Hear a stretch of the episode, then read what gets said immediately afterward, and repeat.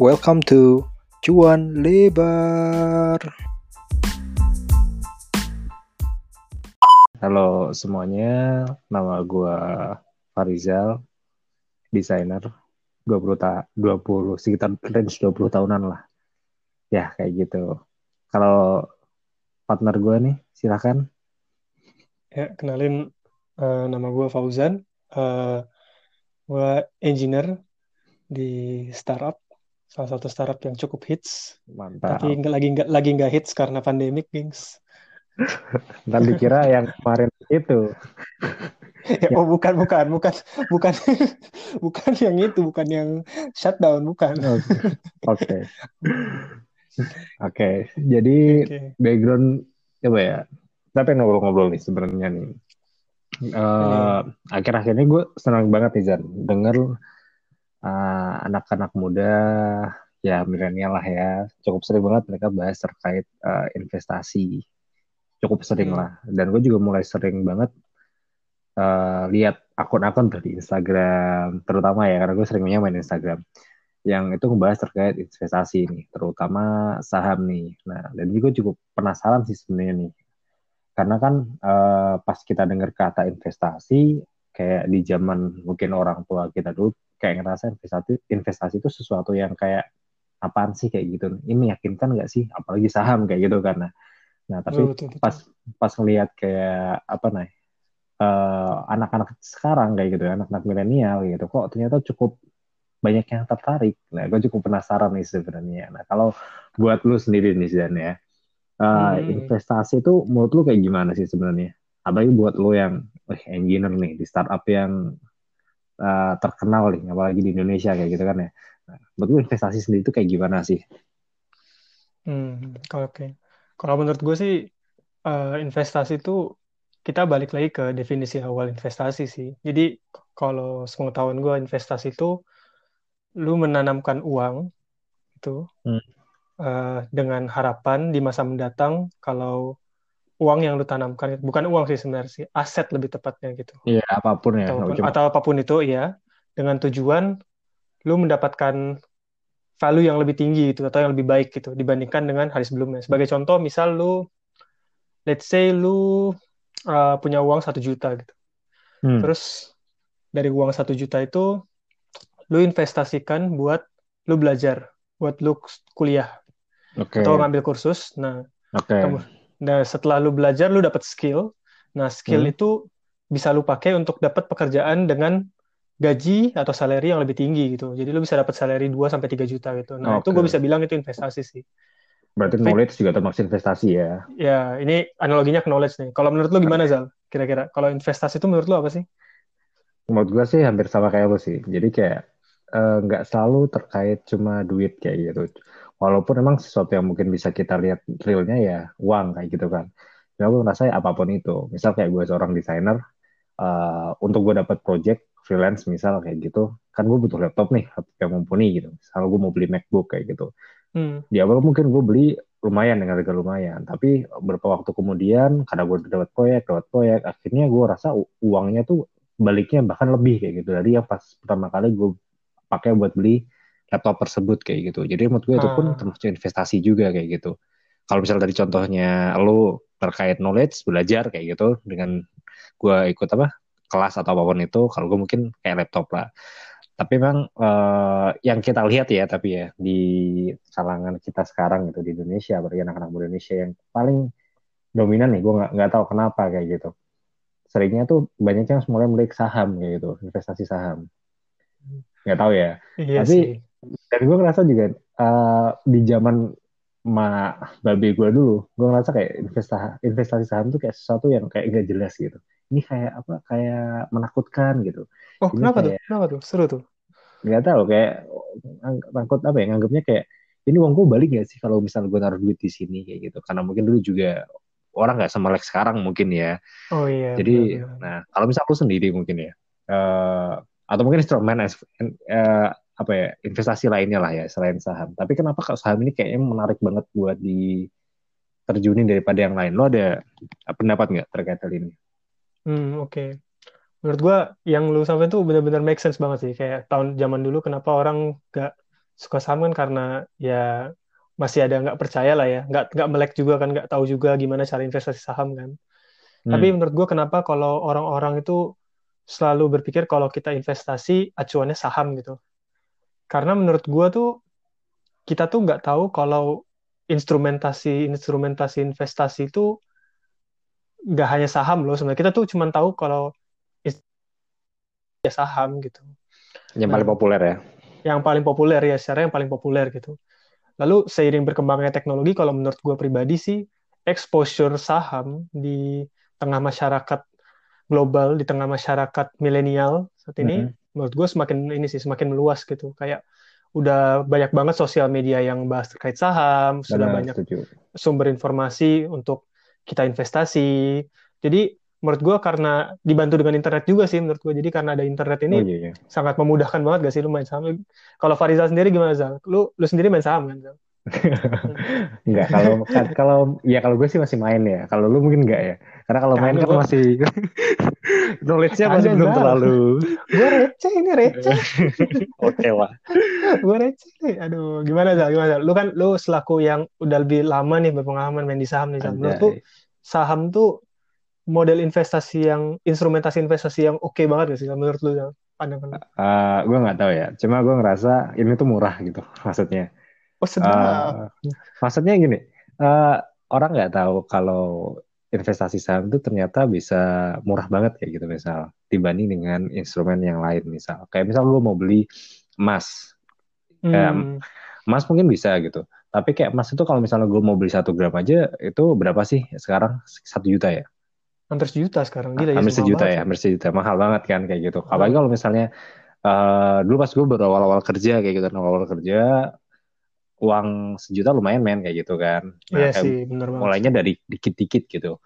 Dan Hmm. yang dulu gue tahu tuh eh, ada salah sa- eh, di ternyata di saham tuh kita bisa beli saham hitungannya tuh per lot ya. Satu lot itu sekitar 100 lembar. Nah, nanti yang ditambahin itu harga per lembarnya. Misal gue beli ada satu saham yang waktu itu gue beli pas pas dulu banget awal-awal tuh namanya eh, Pakuan Jati.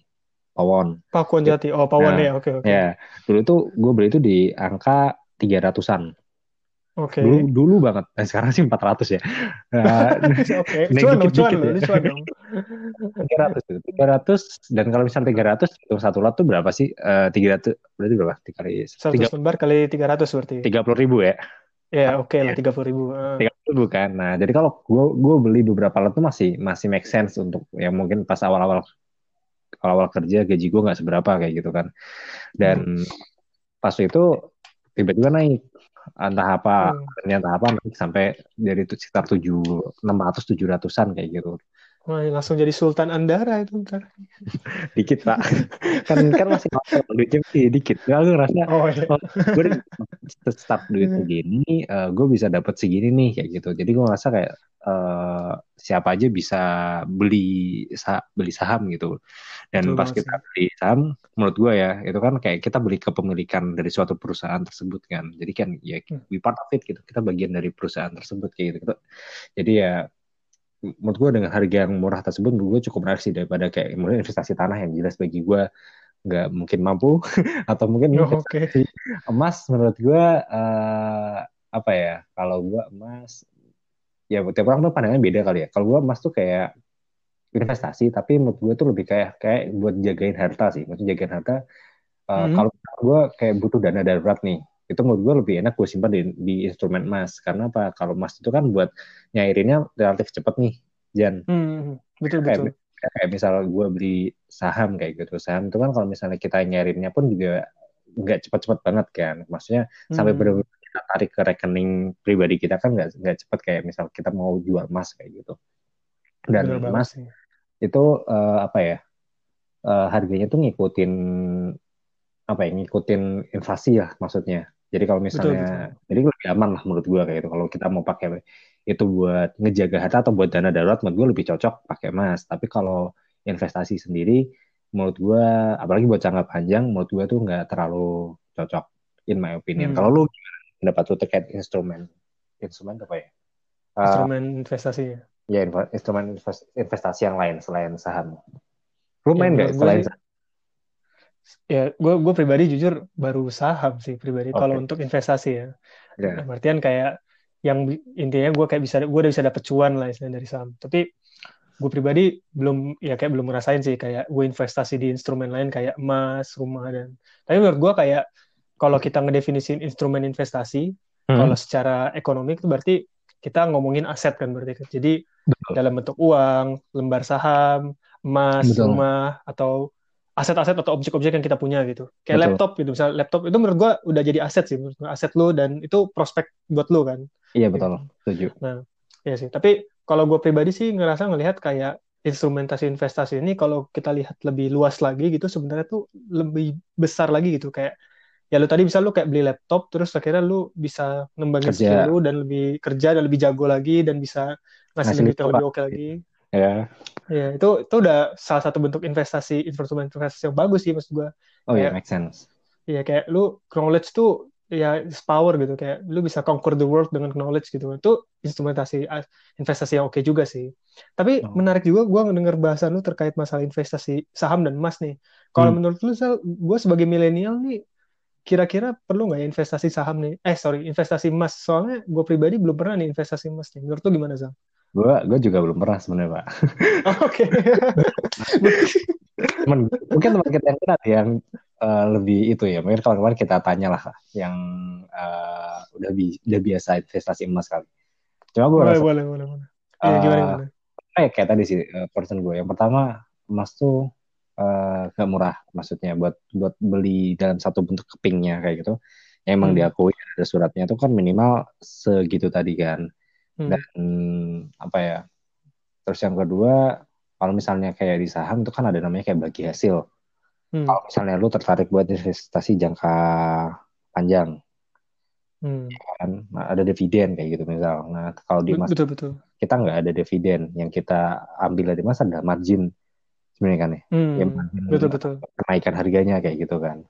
Nah itu Hmm. pun juga udah gue dapetin kalau misalnya gue jualan, maksudnya kalau kita jual apa ya, jual beli saham sebenarnya sama aja menurut gue kayak gitu. Jadi kayak, oh menurut gue ini sama aja. Dan kalau tadi gue sempat bahas terkait dana darurat, eh, pada akhirnya eh, gue lebih milih dana darurat tuh ya kayak uang yang gue simpan aja. Apalagi buat kondisi pandemi kayak gini kan, dana darurat tuh penting banget ya, maksudnya buat jaga-jaga kan kita sih kita nggak pernah tahu apa yang bakal terjadi sama eh, kita di kantor karena banyak juga yang ngalamin eh, layoff dan sebagainya ya Hmm, betul kalau betul kalau daripada gue ribet eh, dengan emas karena kalaupun walaupun itu bisa dijual dengan cepat tapi namanya Hmm. jual kan ada waktunya juga kan maksudnya kan gue perlu effort buat keluar buat jual kayak gitu gue betul betul lebih pikir ya kalau sekarang mah dana darurat ya udah gue simpan di rekening aja kalau gue pribadi makanya Hmm.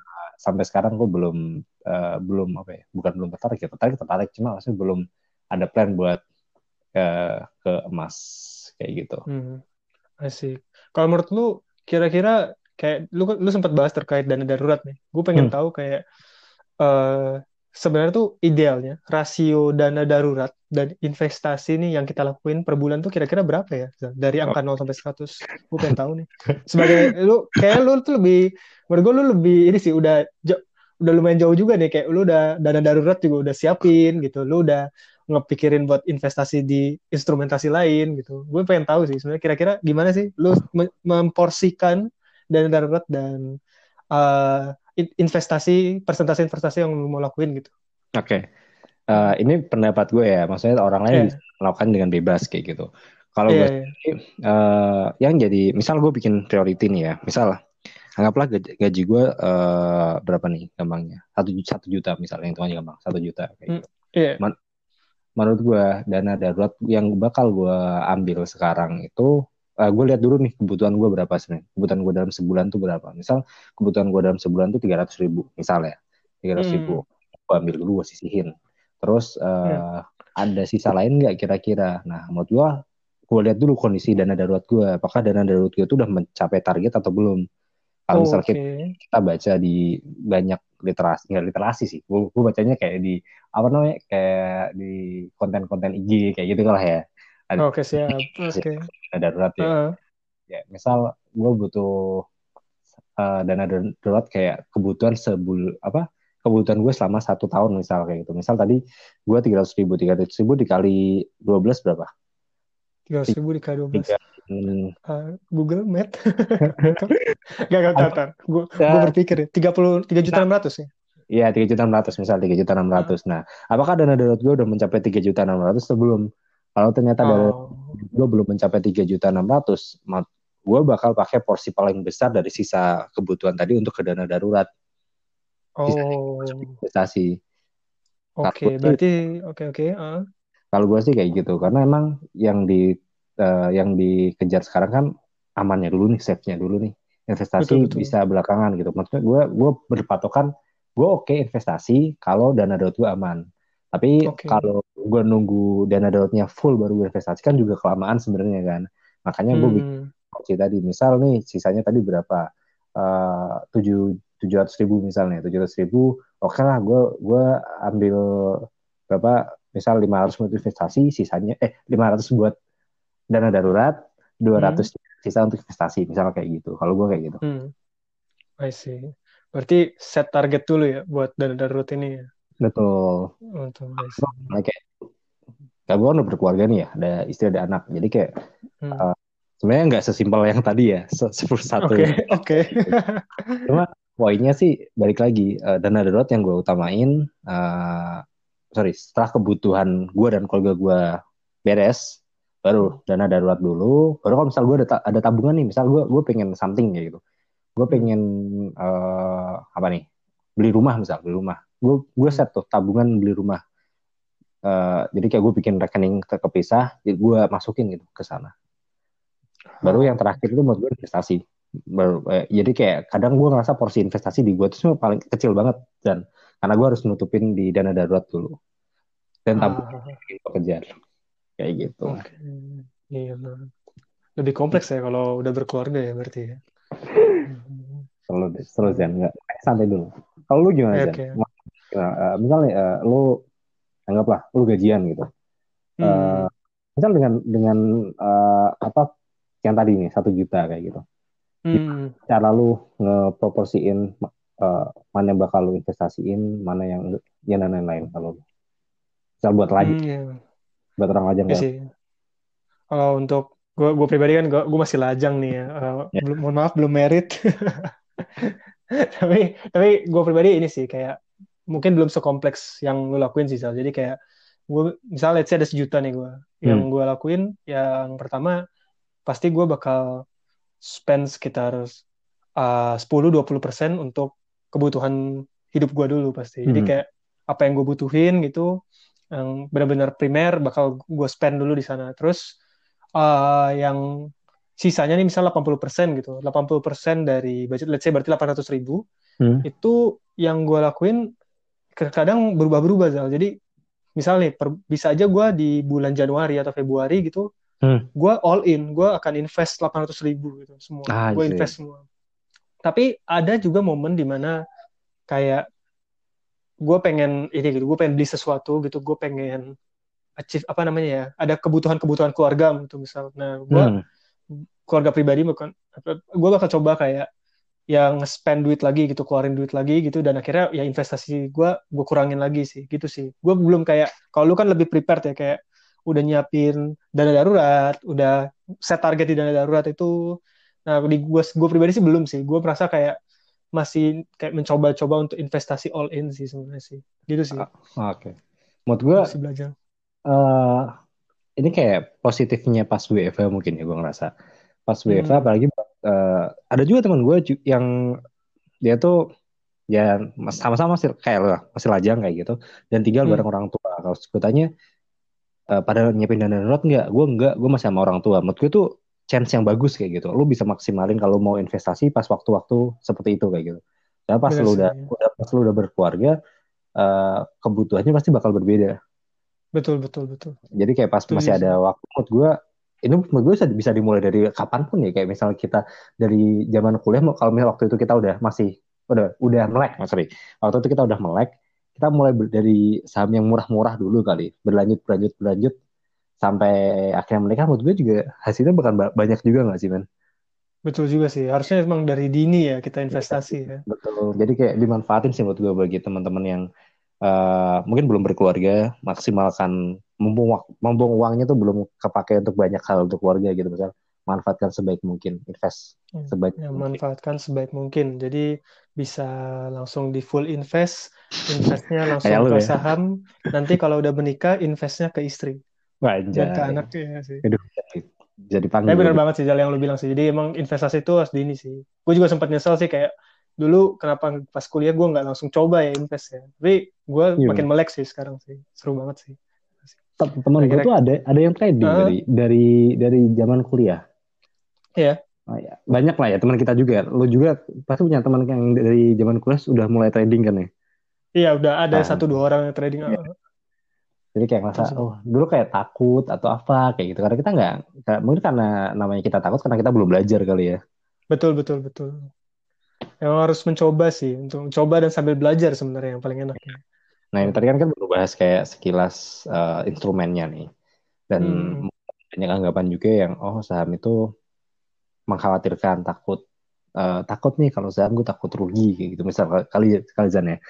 Nah Betul betul kalau betul. Jadi eh, kan lu pasti ada pernah di mas di fase di mana lu nggak terlalu yakin sama saham gitu. Lu milih Betul, aja betul. udah gua simpan aja di rekening gua kayak gitu duit gua.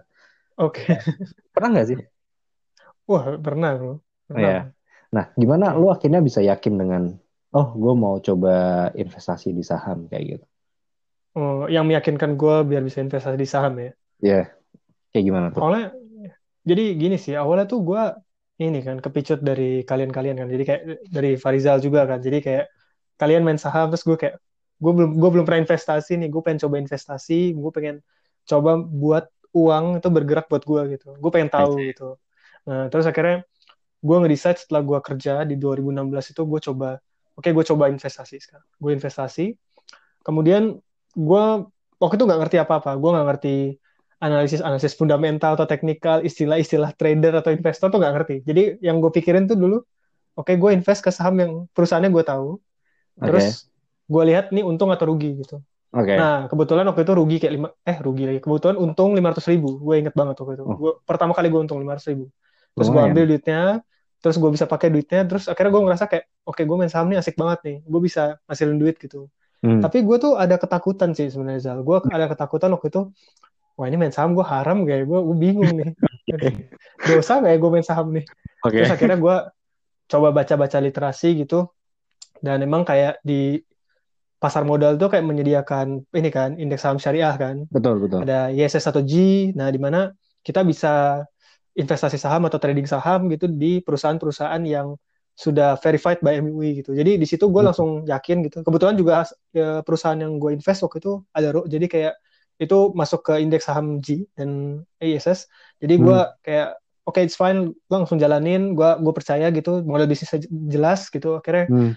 gue take it over. Nah tapi gue sebenarnya kayak kalau untuk proses meyakinkan dirinya itu maksudnya meyakinkan untuk bisa nginvest lebih banyak lebih banyak lebih banyak Hmm. itu gue sebenarnya ini sih ha- ngelihat dari kayak kisah sukses kisah sukses investor-investor atau trader-trader sih yang udah banyak lu lihat lah di Instagram atau di sosmed gitu jadi gue Hmm. kayak oke deh gue gua akan coba cobain gitu buat invest di sini sih gitu sih kalau menurut lu gimana Zal? kalau lu pribadi yang meyakinkan lu sendiri buat invest saham gitu atau gimana tuh ceritanya gue tuh dulu eh, di kantor gue yang lama dulu eh, pernah ada selling session Hmm. bisa ya kayak startup ada selling session biasa lah ya Nah, waktu Hmm. selling session tuh eh, teman kita juga si Naji waktu itu oh si Najio gitu oke Hmm. oke jadi selling session terkait saham. Jadi dia habis habis ikut eh, seminar something dari Indo Premier salah satu Oke.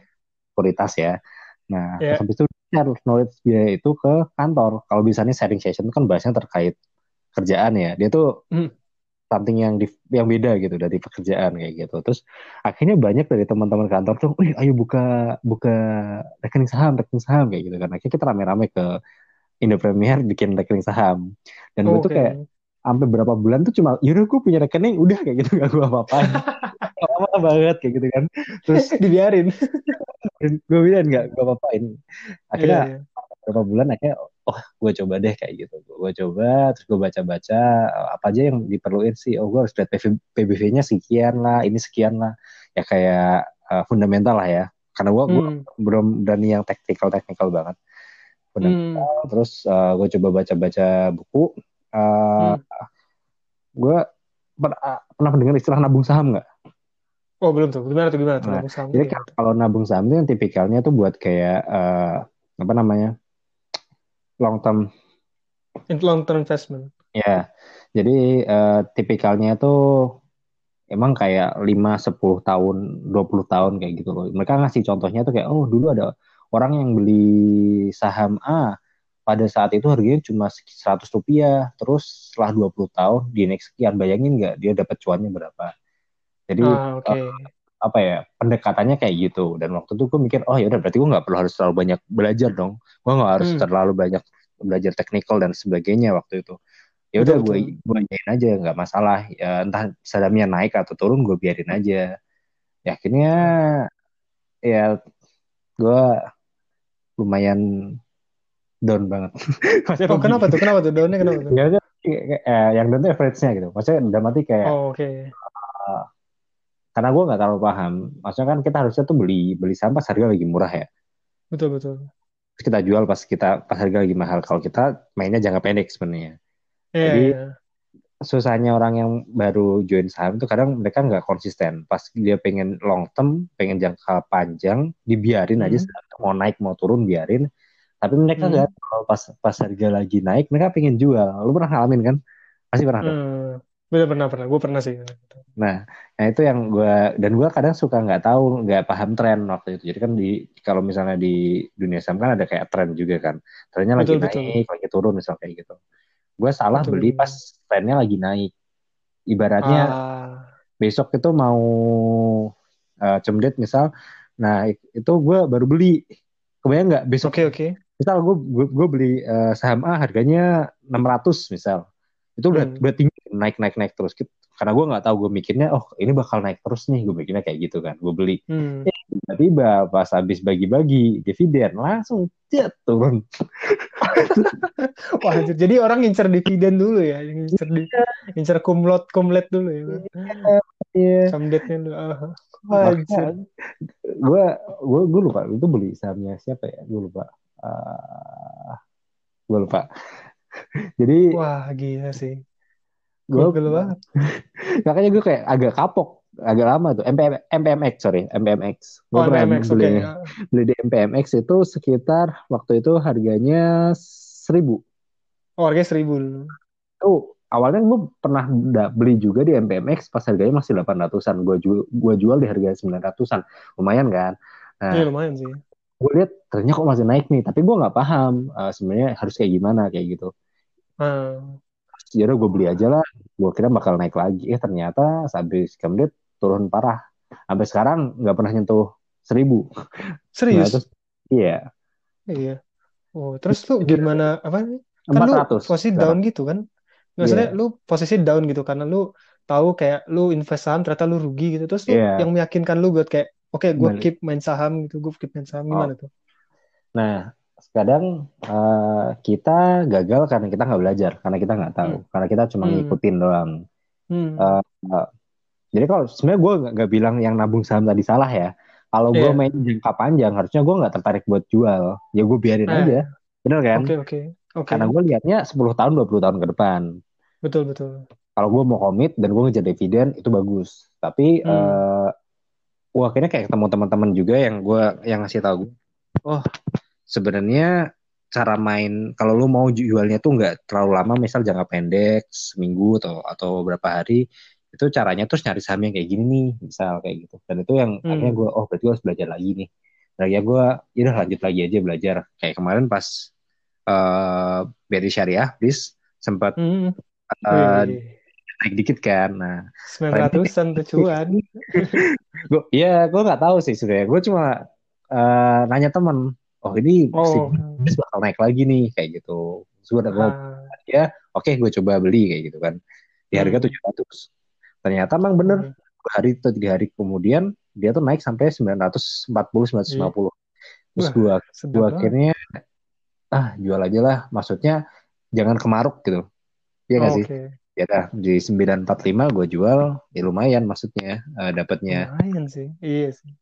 Ya maksudnya eh, poinnya lagi sih eh, kita bakal gagal atau itu kalau kita nggak nggak komit dengan style apa, gaya apa yang mau kita pakai dalam bertransaksi saham sama kita nggak Hmm. nyari tahu ilmunya jadi yang terpenting sih menurut gue cari tahu ilmunya itu yang pertama terus yang kedua sama eh, komit sih kalau misalnya kita mau eh, jadi investor jangka panjang ya investor jangka panjang aja kalau yang mau jangka pendek jual ju apa beli jual beli jual ya silahkan komit gitu maksudnya jangan jangan kegoda di dua itu kayak gitu kalau lu sendiri gimana ada cerita yang bikin lu sempet ah aduh gue gue males nih gue rugi banyak misal kayak gitu Wah, pernah coy. Gue gue gue juga pernah ngalamin kejadian kayak lu. Kayak dulu tuh gue invest di INKP atau TKIM gitu. INKP kalau nggak salah. Jadi gue hampir rugi sekitar 3 jutaan sih waktu itu sih. Dan gila. posisinya waktu itu dari 11 juta Hmm, jadi 8 juta. Gue masih ingat banget. Gue waktu itu invest sekitar 11 jutaan gitu kan. Nah, terus Oke. akhirnya gue rugi 3 juta terus kayak ya gue udah bingung sih itu gue mau diemin ya gue juga itu sekitar 2000 tujuh- 2017 2018 gitu tapi gue lupa tapi itu ya gue gue udah bingung kan gue bingung nih gimana ini mau uangnya mau diapain ya? Gitu. Terus kayak gue pikir gue diemin doang tuh bakal oke gitu. Ternyata ada istilah kayak ini kan stop loss gitu kan. Nah jadi kayak betul. oke gue akhirnya gue decide kayak oke apalah gue stop loss atau cut loss gitu gak apa ini pelajaran buat gue tapi di situ gue sempat down. Gue sempat kayak oke gue nggak mau invest dulu karena gue rugi nih.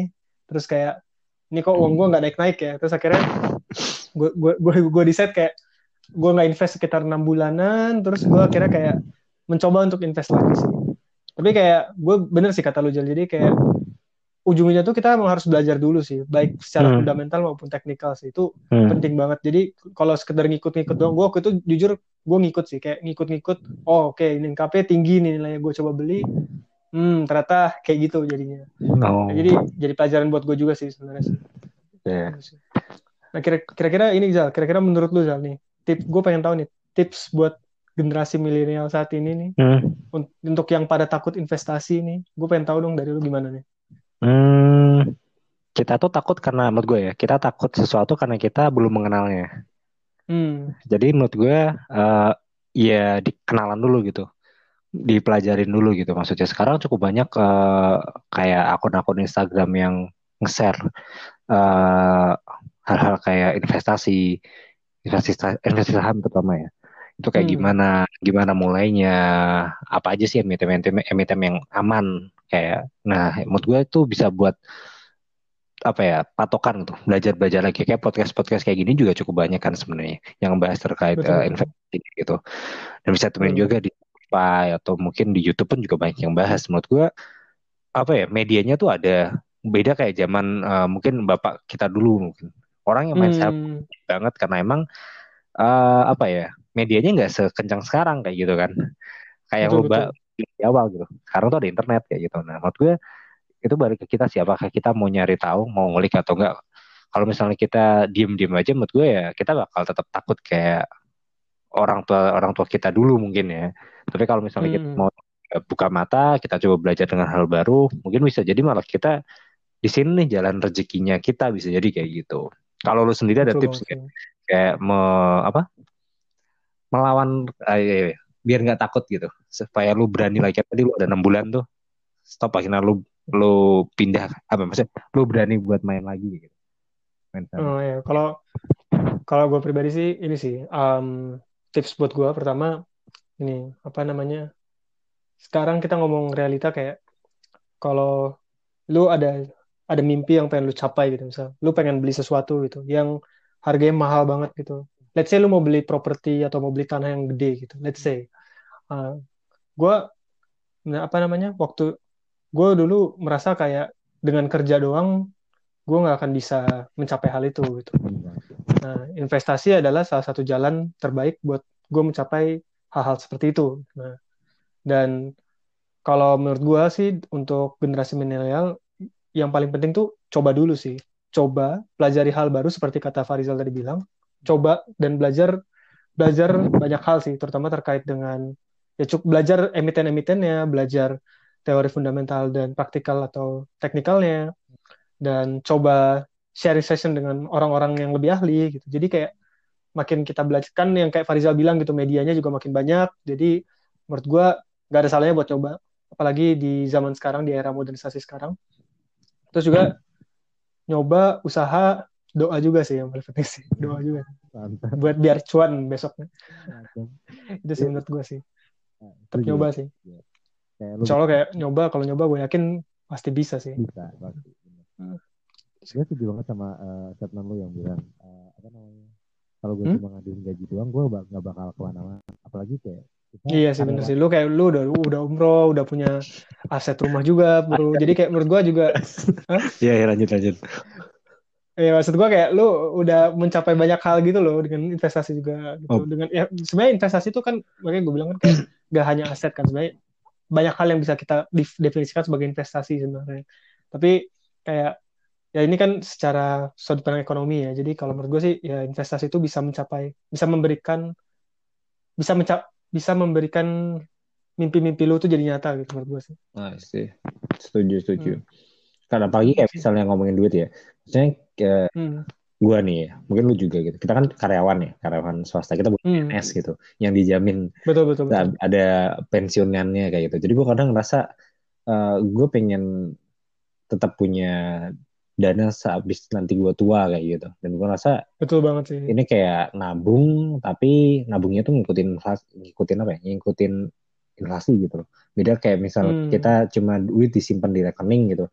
Ya bakal kegerus sama inflasi kan pastinya. Nah, itu menurut gua Iya sih, betul betul. investasi apalagi terutama saham lah ya. Emas juga boleh Hmm. bisa gitu. Cuma ya gue rasa itu salah satu solusi sih menurut gua. Betul betul betul. Oke. Setuju sih. Mantul banget Zal. Cool. Nih kayak kita harus sering bahas-bahas terkait ini nih, terkait ini. Kayaknya next kita bisa bahas ini sih topik-topik selanjutnya sih terkait dengan dunia investasi dan ataupun saham sih sebenarnya. Boleh, boleh banget. Cuma Apalagi sekarang lagi krisis gak sih Zal? Iya gak sih Zal? Apa? Mau mencap mau, mau resesi kan rencananya. Oh iya benar-benar. Ya semua orang pada khawatir nih resesi ini bakal ngefeknya kayak gimana. Betul betul betul sih. Nah, itu mungkin bisa kita bahas buat next uh, episode mungkin atau juga gue cukup cukup tertarik terkait bahasan uh, mungkin bagi teman-teman yang udah uh, aware terkait saham bisa jadi apa namanya trade trader atau jadi investor which one that you wanna choose misal kayak gitu itu juga cukup menarik Iya, buat iya. dibahas kan tadi Bisa sih. sekilas kan sekilas kan tadi gue bahas ya terkait uh, investasi, jangka panjang sama jangka pendek itu mungkin bisa kita bahas nanti oke Betul betul betul. Oke, Iya. mungkin dari gue sih kayaknya eh, buat episode pertama nih, ya, kayaknya segitu cukup dulu. Lo ada tambahan? Gue juga udah cukup sih. Udah udah oke sih.